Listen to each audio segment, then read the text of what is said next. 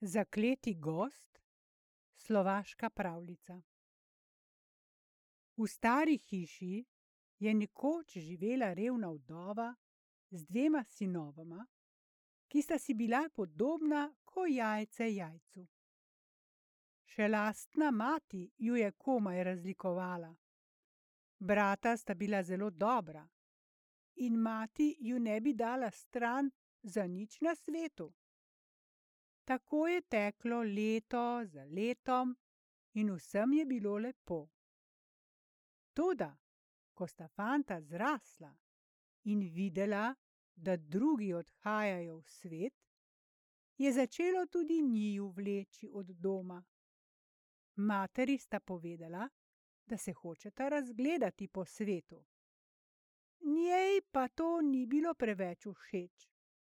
Ah, je rekla, mar vama doma ni dobro, da se hočeta odpraviti v svet? Kdo ve, kaj se vama lahko tam zgodi? Le sedita rajši doma in me ne puščajta same. Toda vse pregovarjanje ni nič pomagalo. Kar sta si že enkrat vbila v glavo, tega si nista dala izbiti. Revica mati je jokala dan in noč, da je bilo vse mokro od solza. Ah, ljuba mati, sta jo sinova tolažila. Nikar toliko ne jokajte in ne bojte se za naju, saj najbrž ne pojdeva prva v svet. Čez tri leta pa naju boste spet videli. Kar boste do tedaj potrebovali, vam bova vnaprej pripravila.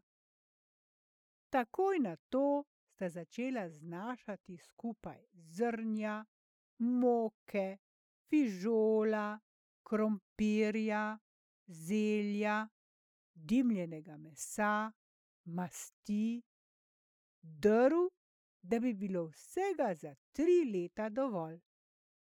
Ko je mati to videla, ji je malo odleglo pri srcu in tudi ona jima je začela to in ono pripravljati za pot. Vse je bilo že nared, le kosa dobre pečenke je še manjkalo. Otroka moja, pravi mati, lahko bi si šla kaj ustrelit? Brez mesa vaju ne bi rada pustila od doma. Tavala in tavala sta po gozdu od jutra do poldneva, od poldneva do večera, pa jima ni prišlo nič na strel. Sklenila sta, da se bosta vrnila domov. Takrat pa sta vsak svojega konca pritekla dva volka in se začela ravsati. Brata se nista mogla odločiti, ali naj ustrelita vanju. Če ju ne bi dobro zadela, sta si govorila, bi se lahko razjarjena volka spravila nad naju. Poskusiva jima dati kos slanine s kruhom. Takoj, ko sta to storila, sta se volka prenehala ravsati in sta tiho kot psa šla za bratoma, dokler niso prišli domov. Volka sta zaprla v hlev, onadva pa sta odšla v hišo. No, kaj sta ujela? Ničesar nisva ujela, sta rekla. Pripeljala sva le dva volka in ju zaprla v hlev. Joj, prejoj, je kriknila mati. Pa je po moji kravi. Pojdita, tecita in jo branita. Vsi so stekli v hlev. Toda krava je mirno stala na svojem mestu, volka sta čepela v kotu in na gobcih sta imela velika nagobčnika. Temu se niso mogli načuditi. Naslednje jutro sta se znova podala na lov, a spet nista ničesar ujela. Šele domov grede sta opazila, da se dva medveda grizeta med seboj. vrgla sta jima po kos slanine s kruhom in medveda sta se prenehala gristi ter odšla za njima prav do doma, kjer sta ju brata zaprla v hlev. Ko je mati izvedela za medveda, se je spet zelo prestrašila. Toda, ko so ju šli v hlev pogledat, je bilo vse mirno. Tudi medveda sta imela nagobčnika. Niti tretjega dne nista ničesar ujela. Samo dva leva sta ukrotila, da se nista več praskala med seboj in ju privedla domov. Kot vidim, pravi mati, z vajino pečenko ne bo nič.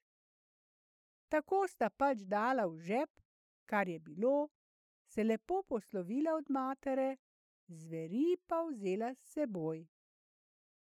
Tri dni in tri noči sta brata hodila, potem sta prišla do razpotja. Tam je stala lipa. Brat moj, pravi starejši, na razpotju sva, morava se ločiti. Ti pojdi po tisti poti, jaz grem po tej. Ampak veš kaj, ko se bo kdaj kateri od naju vračal tod mimo, bo lahko zvedel, kako se drugemu godi, če bova v to lipo vrezala najini imeni in vanju zabodla vsak svoj nož. Če priteče kri, ko potegneš nož iz imena, vedi, da brat živi. Če bo pritekla voda, vedi, da je gotovo mrtev. Mlajši se je s tem strinjal in takoj sta vrezala svoji imeni ter vanju zabodla noža.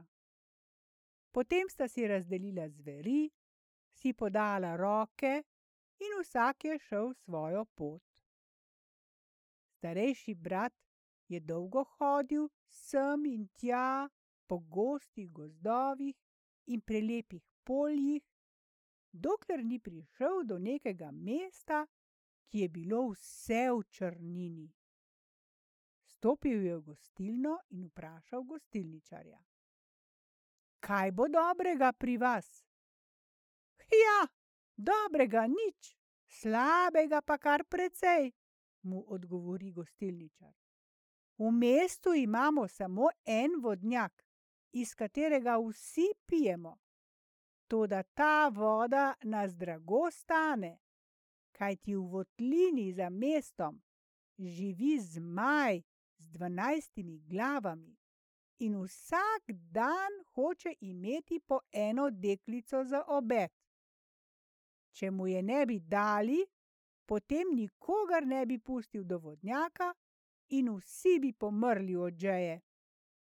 Vse hiše so že dale po eno deklico, zdaj je na vrsti kraljeva hči. Zato je kralj ukazal mesto odeti v črno, razglasil pa je tudi, da bo tistemu, ki bo zmaja ubil, dal svojo hčer za ženo in pol kraljestva, po svoji smrti pa še pol. Ko je naš junak to slišal, mu je takoj zadišalo, da bi postal kraljev zet in rekel je, da bo zmaja ubil, če ga bo le mogel. Gostilničar je takoj stekel k kralju povedati, da je pri njem tak in tak gost s tremi zvermi, ki pravi, da bi si upal ubiti zmaja. Človek, da je sicer preprosto oblečen, konec koncev pa že mora biti močan, če je zmogel ukrotiti tri tako divje zveri. Kralja je novica zelo razveselila. Fantu je takoj poslal lepo obleko in naročil, naj ne mudoma pride k njemu.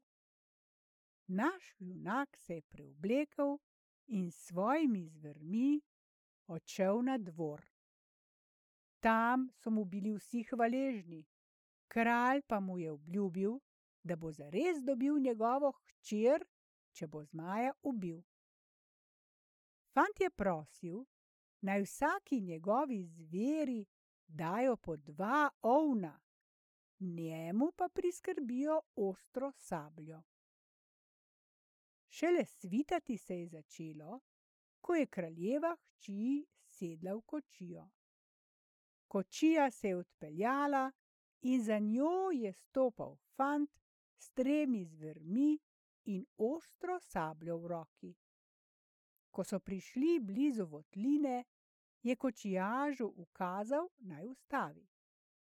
Kraljeva hči je stopila iz kočije in zajahala konja.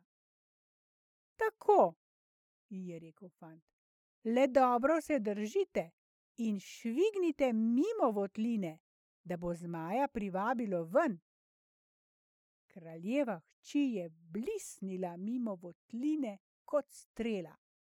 Zmaj jo je zavohal in pomolil glavo na dan. Toda namesto prelepe deklice se mu je pred očmi zabliskala ostra sablja.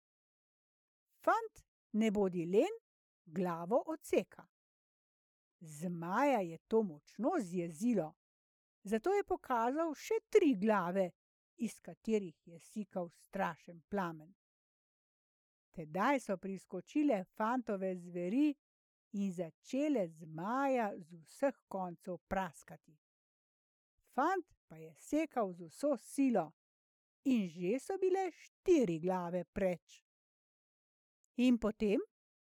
Zmaj je pokazal osem glav hkrati in iz njih so bruhali strašni plameni. Fanta je dajala utrujenost, tako da je sabljo komaj še držal v rokah pa tudi volk in medved sta še komaj stala na nogah. Tedaj priskoči lev, plane zmaju za hrbet in svojimi močnimi šapami odrobi vseh osem glav od telesa. Zmaj je obležal, glave pa so se še nekaj časa metale po tleh. Naš junak je potegnil nož, zmaju odrezal jezike, jih spravil v žep ter stekel k rešeni kraljevi hčeri. Ta od velikega veselja ni vedela, kako naj bi se mu zahvalila, zato ga je objemala in poljubljala.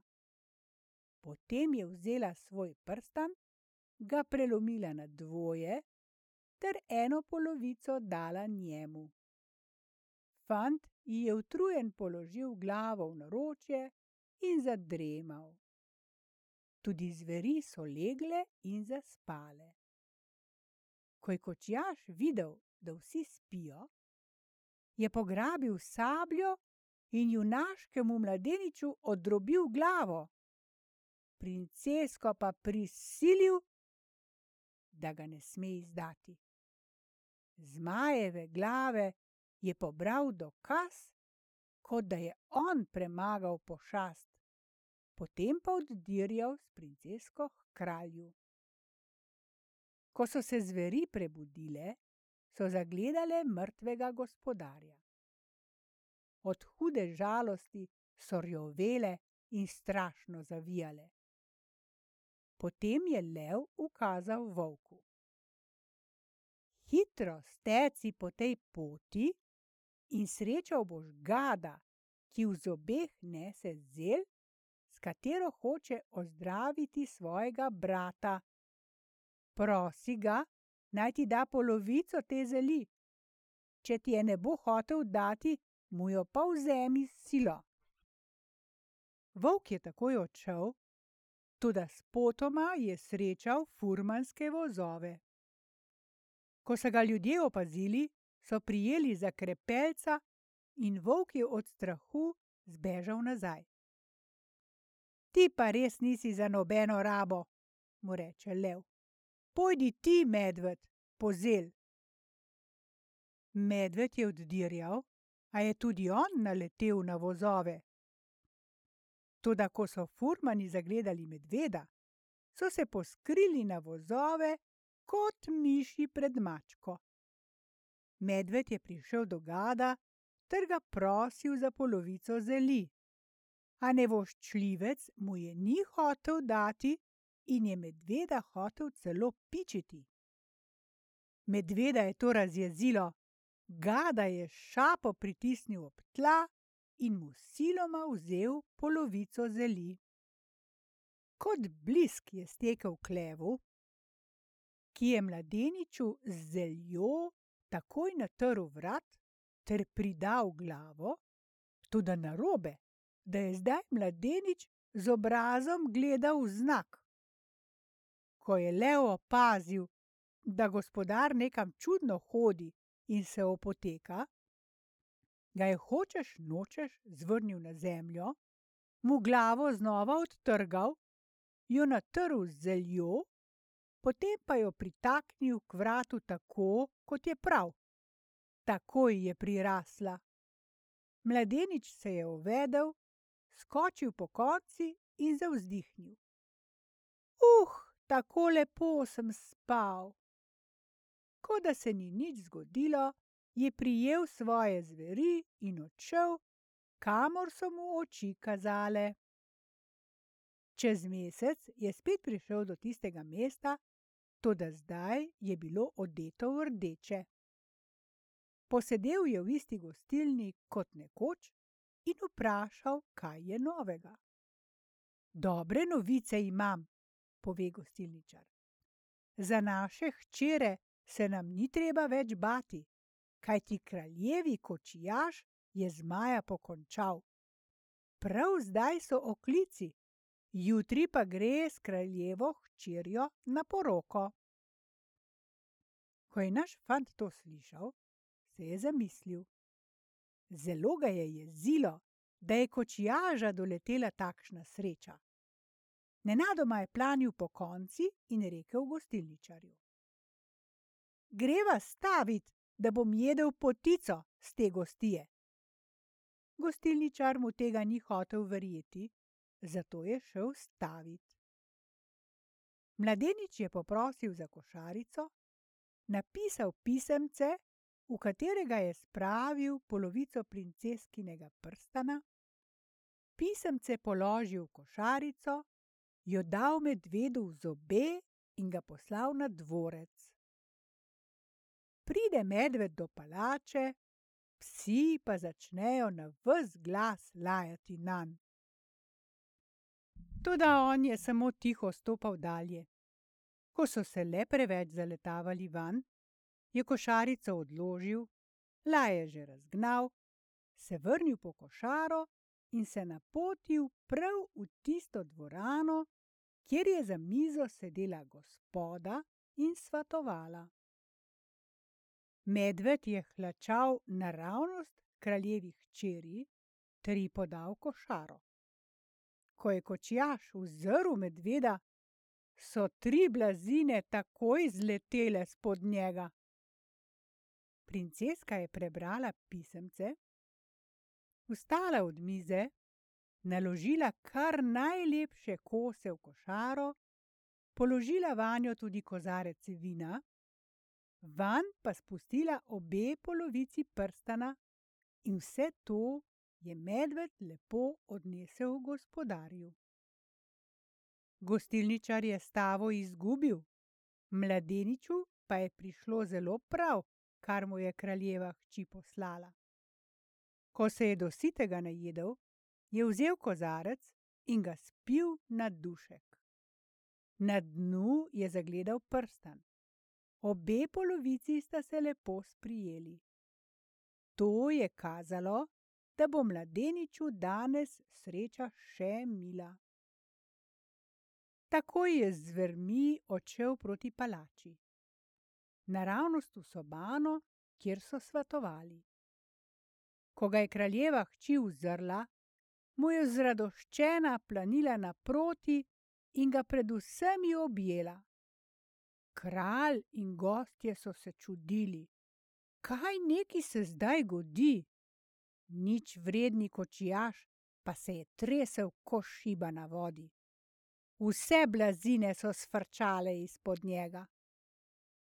Potem je princeska morala pripovedovati o vsem, kar se je zgodilo, mladenič pa je za dokaz pokazal zmajeve jezike. S hudobnim kočijažem so odpravili na kratko. Vrgli so ga v ječo. Kralj je bil zelo vesel in hčer je dal pravemu rešitelju. Naš junak je postal kraljevi zet, dobil je pol kraljestva in dobro se mu je godilo, da si sam ni mogel želeti lepšega. Nekega jutra, ko ga je služabnik ravno oblačil, se je mladenič zazrl skozi okno. Na eni strani je videl čudovite zelene gozdove, na drugi strani pa je bil gozd žalosten in porumenel kakor jeseni. To se mu je zdelo nenavadno, saj je prav takrat bila najlepša pomlad. Kaj naj to pomeni? pravi. Vsi gozdovi naokrog so tako lepi, le tisti tam je tako porumenel. Gospod, odgovori služabnik, to je zakleti gozd, v katerem je pomrlo že dosti ljudi, kajti kdor enkrat zaide vanj, se več ne vrne. Samo poslušal ga je in mu ni odgovoril, toda gozd ga je vznemirjal. Nekega dne reče ženi, da gre na lov. Vzel je svoje zveri in se odpravil. Komaj je prišel iz vrta, že se je od nekod vzela lisica. Stekel je za njo skupaj z zvermi, vendar je nikakor niso mogli ujeti. Kar dolgo so se tako podili. Lisica je za hip postala, pa takoj stekla naprej, kot da bi jih hotela zvabiti dlje in dlje. Kraljevemu zetu je zmanjkalo potrpljenja, razjezil se je in zaklel, česar do zdaj še nikdar ni storil. Lisica pa je čakala samo na to, kajti nad nedolžnim ni imela moči. Mladeniču se nenadoma zmrači pred očmi in znašel se je v gostem gozdu. Okoli njega je bilo temno, kakor ob polnoči. Tesno mu je postajalo pri srcu in rad bi prišel kam na čistino, a je taval vedno globje, kajti gozd ga je vabil. Pod nekim hrastom je zastal. Ker je bil lačen, si je zakuril ogenj in začel peči slanino. Kar zasliši nad sabo vzdihe. Zebe me, zebe me. Ozre se in vidi na hrastu čepeti staro babo. Če te zebe, se pridi ogret, ji pravi. Toda odgovora ni bilo. Spet se je čez nekaj hipov oglasilo. Zebe me, zebe me. Saj ti pravim, če te zebe, da se pridi pogret. Spet je bilo tiho. Potem se oglasi tretjič. Zebe me, zebe me. On je jezen zakliče. Pridi se pogret ali pa molči. Saj bi prišla, a se bojim tvojih zveri. Na šibo, našibaj jih, potem bom pa prišla. Oni našiba zveri in starka pride dol, steče nekam stran in od nekod prinese na palico nabodeno žabo ter jo prične obračati nad ognjem. Žabo venomer obrača in gnjavi mladeniča. Ti pečeš slanino, jaz pa žabo. Jaz bom jedla slanino, ti pa žabo.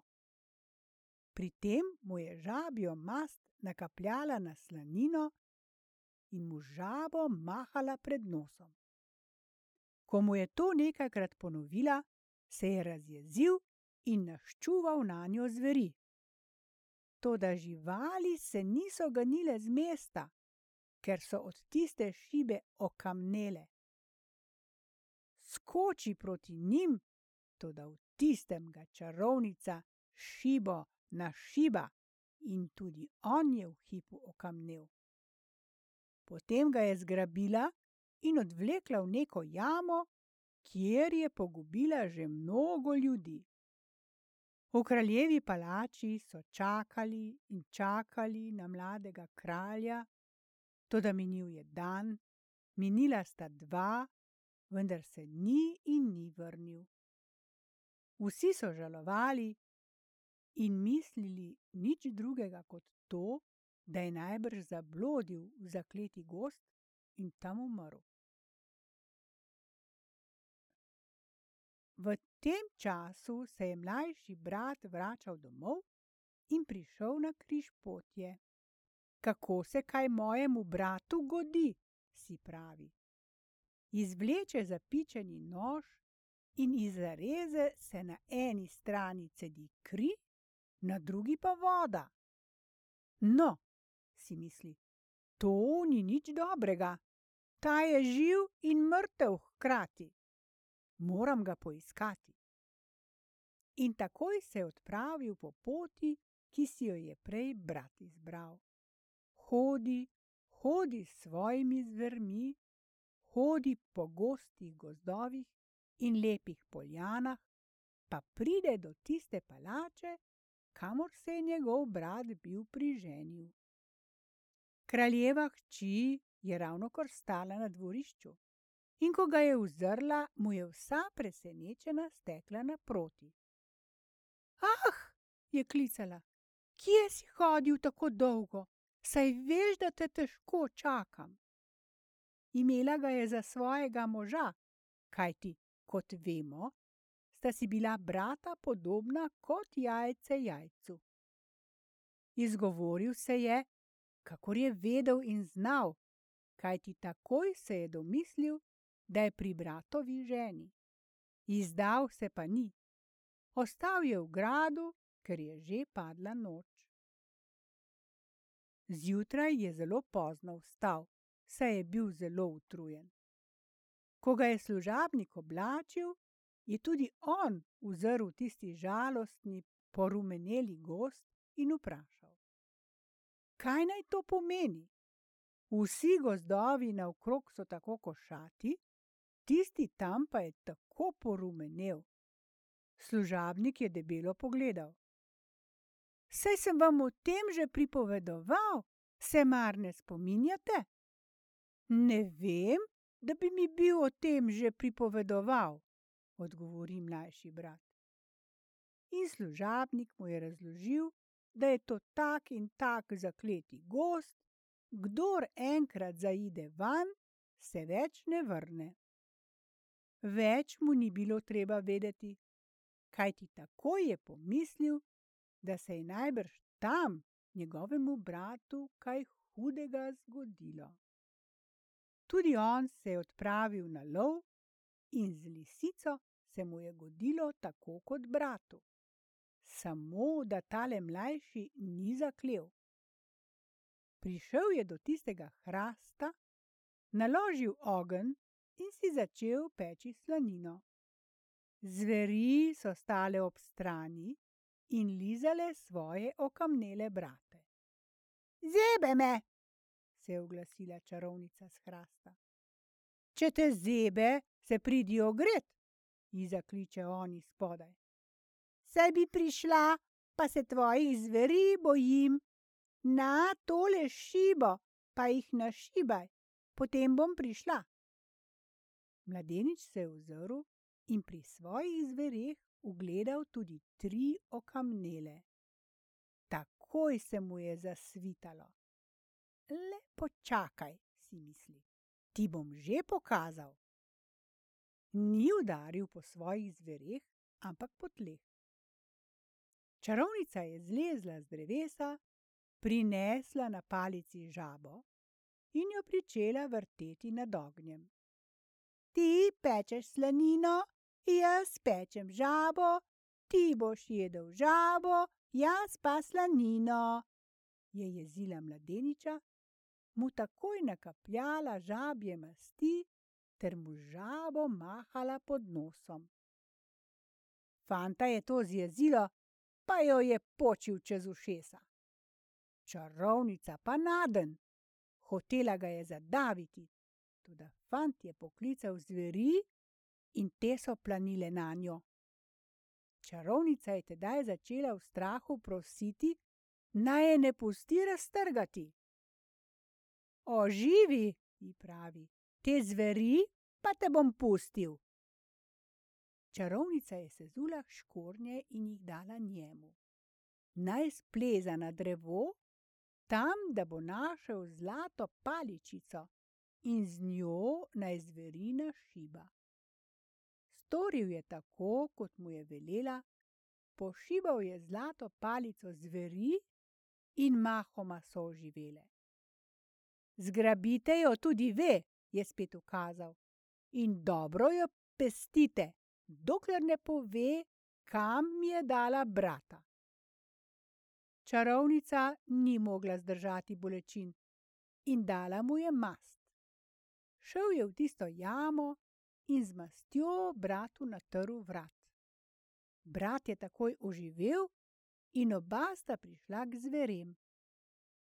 Poslušajte, kaj se je šele potem zgodilo. Zveri so same od sebe napadle čarovnico. Čepica ji je odletela v ogenj in tam strašno prasketala. Zveri so babo raztrgale na koščke. Ko je bilo po čarovnici, se je vse naokrog razjasnilo in ves gozd je olajšano zazelenel. Kaj se je zgodilo šele tedaj? Tiste tri zveri, ki so starejšemu okamenile, so se v hipu spremenile v oborožene viteze, ter zveri, ki mlajšemu niso okamenile, razsekale na drobne kosce in zložile na kup. Komaj so jih tako zložile, že so iz tega razsekanega mesa vstali trije njim podobni vitezi. Potem so se vsi po bratovsko poljubili in si krivdo odpustili. Vse to sta naša dva brata začudeno gledala in lastnim očem nista mogla verjeti. Potem se oglasi eden od šestih nekdanjih zveri. Ne čudita se, naša dobrotnika, ampak poslušajta, kaj vama bomo povedali. Mi smo šest bratov kraljevskega rodu, toda starši nam dediščine niso razdelili. Zato smo se med seboj zmeraj prepirali, kateri od nas bo kralj. Zato nas je naša družina zaklela, naj se kot volkovi, medvedje in levi med seboj bijemo, dokler nas ne bosta ukrotila dva nedolžna brata. Mi pa drug drugemu napravimo dobro delo. Zdaj torej vesta vse, kar se je zgodilo. Kako se je zgodilo, kako naj bi se zgodilo in kaj se je moralo zgoditi. Mi vama podarimo vse naše bogastvo in pod vajinim varstvom želimo dopolniti svoje življenje. Vsi so se skupaj vrnili v kraljevi dvorec. Tam se je razkrilo, kateri je princeskin mož in kateri ne, kateri je pravi in kateri ne, in pripravili so še stokrat večjo pojedino kot na poroki.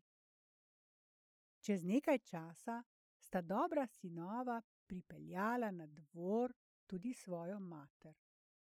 Starejši je ostal tukaj kralj, mlajši pa se je odpravil s tistimi šestimi vitezi v njihovo deželo, kjer so mu iz hvaležnosti izročili kraljevsko krono ter pomirjeni med seboj živeli srečno in zadovoljno.